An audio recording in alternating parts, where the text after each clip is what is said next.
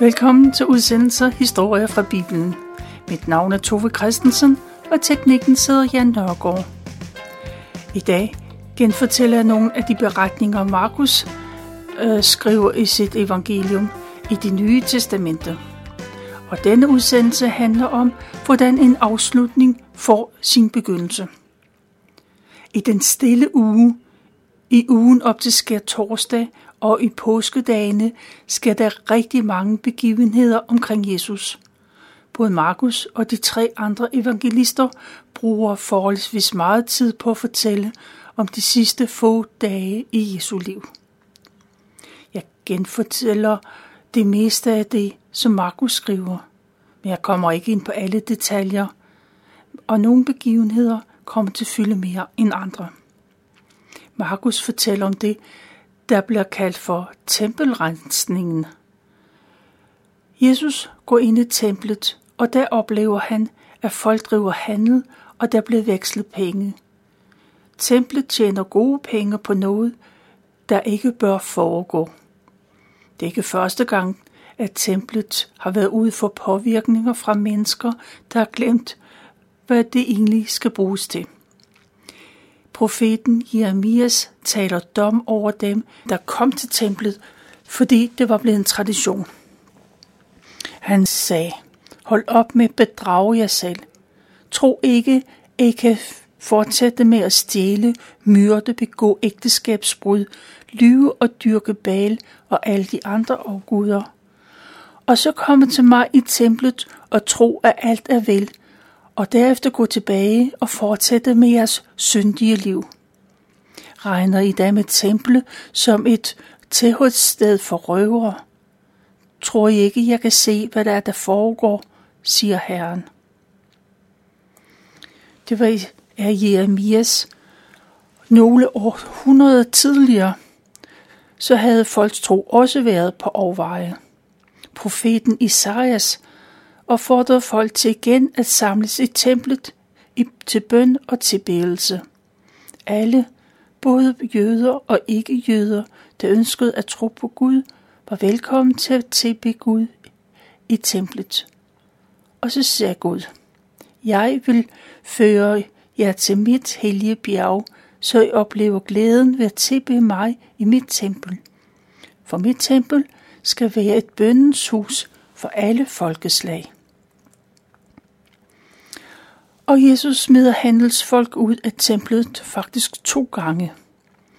Første gang er i begyndelsen af hans virke, anden gang lige før hans død. Jesus minder folket om, at Guds hus er helligt. Gud ser ikke gennem fingrene med folkets søn, men han minder dem om gang på gang, at Gud giver alle, eller han tager imod alle dem, der kommer til ham. For Jesus er templet det sted, hvor man tilbeder Gud.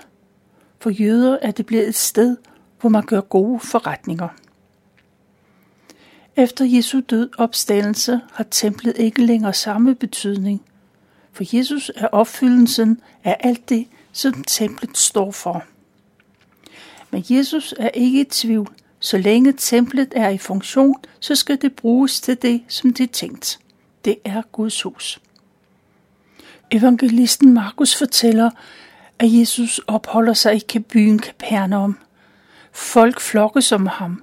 Også nogle møder med deres små børn vil tæt på Jesus. Men de når ikke så langt, for de bliver afvist af disciplene. De mener ikke, at Jesus skal belemres med små børn. Jesus ser, hvad der foregår, og han siger harmfuldt, at de skal lade børnene komme hen til ham, for Guds rige til at høre dem og Jesus forklarer, at alle skal komme til Gud på samme måde som et lille barn.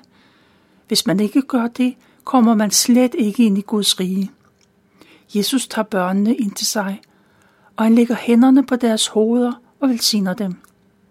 I det samme kommer der en mand løbende hen til Jesus. Han vil gerne ind i Guds rige. Og manden falder ned på knæ foran Jesus og siger, Gode mester, hvad skal jeg gøre for at få evigt liv? Men Jesus svarer med et modspørgsmål. Hvorfor kalder du mig god? Der er kun én, man kan bruge det ord om. Kun Gud er fuldkommen god. Jesus begynder så at svare på hans spørgsmål. For manden kender jo godt Guds bud, de ti bud. Han ved, at der står, at man ikke må slå ihjel, han må ikke bryde ægteskabet, må ikke stjæle, lyve eller bedrage, og man skal respektere sin far og mor.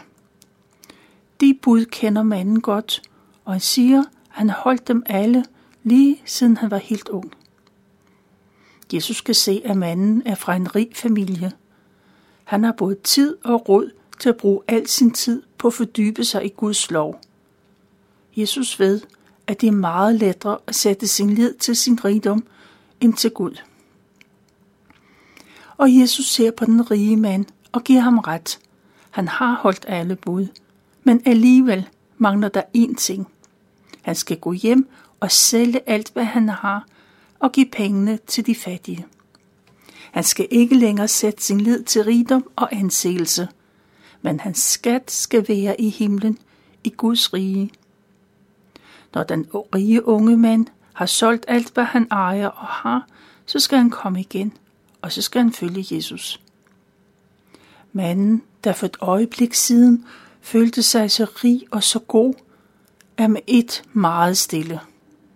Han ser på Jesus og vender sig om. Det krav vil koste for meget, både for ham selv og hans familie. Disciplene står og hører på den ordveksling. De kan dårligt tro, hvad de hører, og de spørger hinanden om, hvem der så kan få evigt liv. Og Jesus ved, hvad der rører sig i disciplene. Derfor sætter han, øh, eller han siger, at det er lettere for en kamel at gå gennem et nåleøje, end en rig kan gå ind i Guds rige. Og Jesus fortsætter med at sige, hvad intet menneske kan gøre, det kan Gud, for Gud kan gøre alt. Og det er forår, og påsken nærmer sig. Jesus og hans disciple begynder at gå mod Jerusalem. Og mens de går på vejen, så fortæller Jesus igen, hvad der skal ske med ham i den nærmeste fremtid. Når de kommer til Jerusalem, så vil han blive forrådt og komme til stå foran ypperste præsterne og de skriftlærte.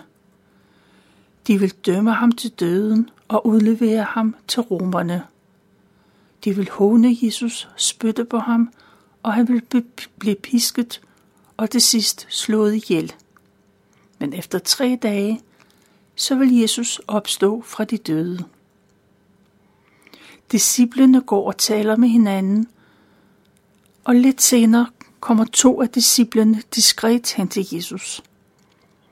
Jakob og Johannes er brødre, og sammen med Peter er de på en særlig måde tæt på Jesus.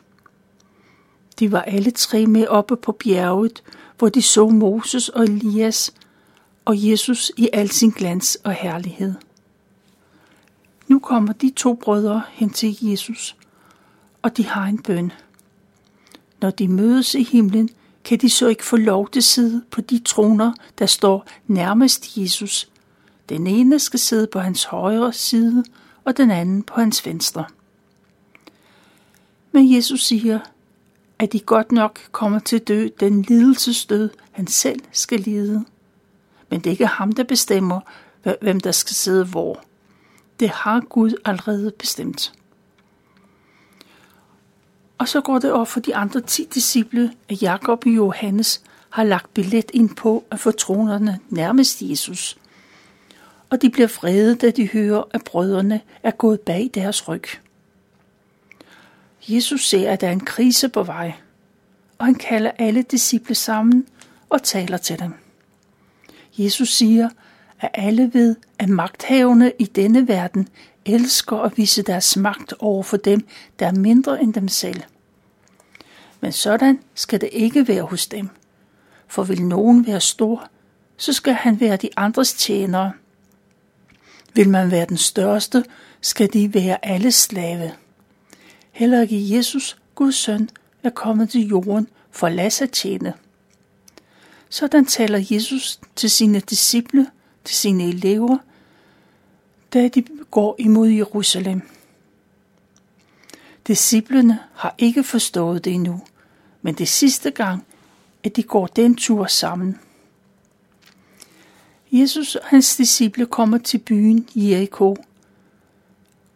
De går der sammen med alle de andre, der følges med dem. Der er mange, der vil lytte til Jesus og være i hans nærhed.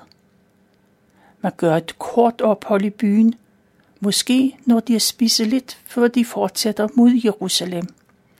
Uden for byen, i vejkanten, der sidder der en blind tigger, der hedder Bartimaeus. Han kan høre, at de største selskab, eller et større selskab nærmer sig. Da han spørger, hvem der kommer, så får han at vide, at det er Jesus fra Nazareth, der går forbi. Bartimaeus begynder at råbe, Jesus, du Davids søn, forbarm dig over mig. Bartimaeus bruger titlen Davids søn. Det er et andet ord for Messias. Den blinde tigger har set det, som mange seende ikke har fået øje på, nemlig at Jesus er Guds søn. Men folk forsøger at få Bartimaeus til at være stille. Men han er ikke sådan at stanse. Han råber højere og højere, Jesus, Davids søn, hjælp mig. Og Jesus hører mandens råb og giver besked om, at man skal føre ham hen til sig. Bartimeus springer op og smider sin gamle kappe i vejkanten, og så bliver han ført hen til Jesus. Jesus spørger Bartimeus, hvad han skal gøre for ham. Mester, sagde den blinde mand, lad mig komme øh, til at se igen. Og Jesus svarer, det er sket. Og i det samme øjeblik kan manden se. Han er glad og taknemmelig, og så slutter han sig til selskabet til alle dem, der følger Jesus til Jerusalem. Der går ikke lang tid, så nærmer Jesus og hans følge sig hovedstaden. De er lige ved de to små byer, Betfage og Betania, der ligger tæt ved Oliebjerget. De stopper op, og han kalder på to af sine disciple. Han har en opgave til dem. Jesus peger på en landsby, og de skal, derhen, de skal gå derhen. De vil, vil, øh, i det øjeblik, de kommer ind i landsbyen, så vil de se et esel. Det er et eselføl, som endnu ikke er blevet brugt til ridedyr. Æslet står bundet, men de skal alligevel tage det med tilbage. Hvis der er nogen, der ser dem og spørger, hvad de skal med æslet, så skal de bare sige, at Herren har brug for det, og de vil aflevere det igen. Og de to disciple går afsted og kommer hen til landsbyen. Og ganske rigtigt, der står et æsel. Det er bundet til en husmor. Og disciplene er ved at løsne det, da nogle mænd råber til dem om, hvad de dog skal med det dyr. Disciplene svarer, at Herren har brug for det, og så får de lov til at tage æslet med. De to mænd fører æslet hen til Jesus, og disciplene lægger deres kapper oven på dyretryk. Det er en æresgestus. Jesus skal ikke sidde direkte på æslet. De mangler en sadel, men så bruger de deres egne kapper i stedet for. Af flere grunde sætter Jesus sig op på æslet og rider ind mod Jerusalem. Der er trængsel på vejen, for alle vil være med til at hylde Jesus. Og nogen breder deres kap ud og lægger dem på vejen. Andre skærer grene af træerne og strør dem ud, så de ligger side om side med kapperne. Jesus skal ikke ride på det støvede vej. Han skal komme ind i deres by, som er en kongeværdig. I forsamlingen er der både fastboende jøder og jøder, der er kommet langvejs fra. De er kommet for at fejre påske i Jerusalem. Alle vil være med til at hylde Jesus, for de ønsker, at han skal være deres konge, deres jordiske konge. Og de råber, Jesus lever. Må Guds velsignelse være over ham, som kommer nu. Velsignet være det styre, Jesus vil indføre. Det styre skal være magen til det, som hans forfar David havde. Længe leve Jesus. Sådan råber folk af begejstring, og de ser en lys fremtid i møde. Det gør de, fordi at de ser Jesus som en konge, der kan måle sig med den største af alle Israels konger. Kong David var den store konge, der samlede Israel og gjorde det til et stort og rigt land. Hverken før eller senere har landet været så godt et sted at bo i som dengang. Og alle jøder i hele landet ønsker sig brændende, at der kommer en konge og befrier dem fra den romerske overmagt. Folk hylder Jesus, mens han rider mod Jerusalem og op til templet. Jesus går rundt på tempelpladsen og ser, hvad der foregår. Han gør sine tanker, men det er ved at være sent. Solen går snart ned, og det bliver mørkt. Sammen med sine disciple går Jesus til landsbyen Betania. Han overnatter hos nogle venner, når han er i Jerusalem. Næste morgen går Jesus og hans disciple tilbage til Jerusalem. De går op til tempelpladsen og oplever det samme, som de gjorde dagen i forvejen. For Jesus har set, hvordan der, der bliver vekslet penge og handlet med dyr. Dyr, der skal bruges til slagt og brandoffre. Det er store summer penge, der går igennem hænderne på de handelsfolk. Oprindeligt var det meningen med et offer, at man kom med et fejlfrit dyr og gav det til præsterne, der offrede det på alteret. På den måde bragte man Gud det bedste, man havde, og derigennem bad man om tilgivelse for sine sønder.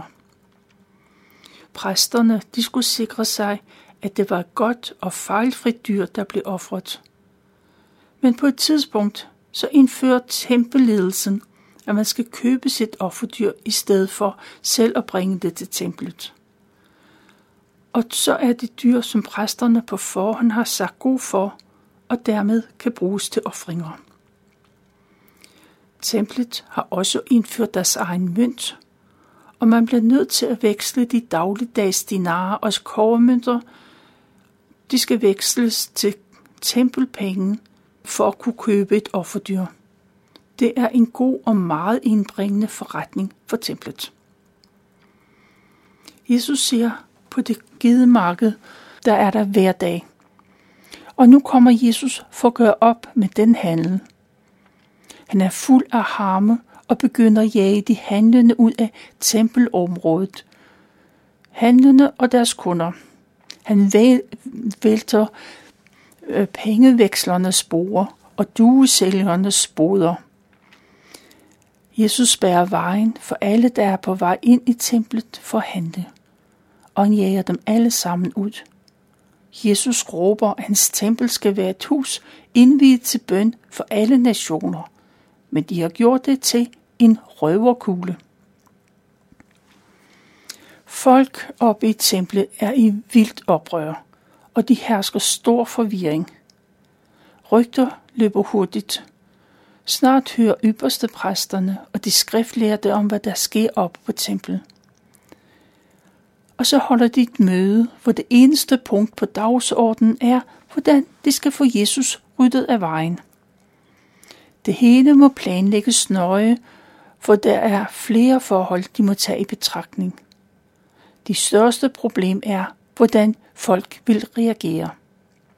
For præsterne er helt på det rene med, at mange er begejstrede for Jesus.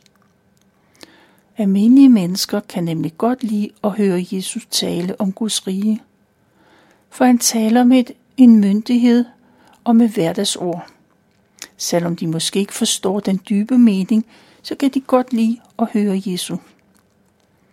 De kan også lide, at han helbreder deres syge og hjælper dem, der er i nød. Ja, de har jo lige hyldet ham som en konge. De øverste ledelser i templet har endnu ikke fundet en plan for, hvordan de skal udføre det, de gerne vil. De vil gerne slå Jesus ihjel. Men den aften får Jesus lov til at forlade Jerusalem sammen med sine disciple. Dagen efter, om tirsdagen, kommer Jesus igen til Jerusalem. Han går endnu en gang ind mod tempelpladsen. Der vil han undervise dem, der ønsker at fordybe sig i skrifterne. Men han når ikke så langt, for han bliver stanset. Nogle af de ypperste præsterne og de skriftlærte, nogle af lederne kommer hen til Jesus. Hvad foregår der, vil de vide. Hvem har givet Jesus ret til at belære folk om forholdene i templet og for til at jage folk ud? Det vil Jesus gerne fortælle dem, men på en betingelse. Først må de svare ham på et helt andet spørgsmål. Hvordan var det med Johannes døber? Var han sendt af Gud, eller var han ikke? Nu er lederne og de skriftkloge i et alvorligt dilemma. Hvis de siger, at Johannes døber var fra Gud, så kan Jesus med rette spørge om, hvorfor de ikke tog hans budskab om omvendelse til sig. Hvis de derimod siger, at manden ikke var fra Gud, så får de folket imod sig. For mange er overbevist om, at Johannes var en profet sendt af Gud. Derfor svarer de, at det ved det ikke. Det er ikke et ærligt svar, men det er det eneste svar, de kan give, hvor de samtidig kan beholde deres ære. Men de religiøse ledere og ypperste præsterne er ikke færdige med Jesus. Men det er, hvad jeg har valgt at fortælle fra Markus evangeliet, kapitel 10 og 11.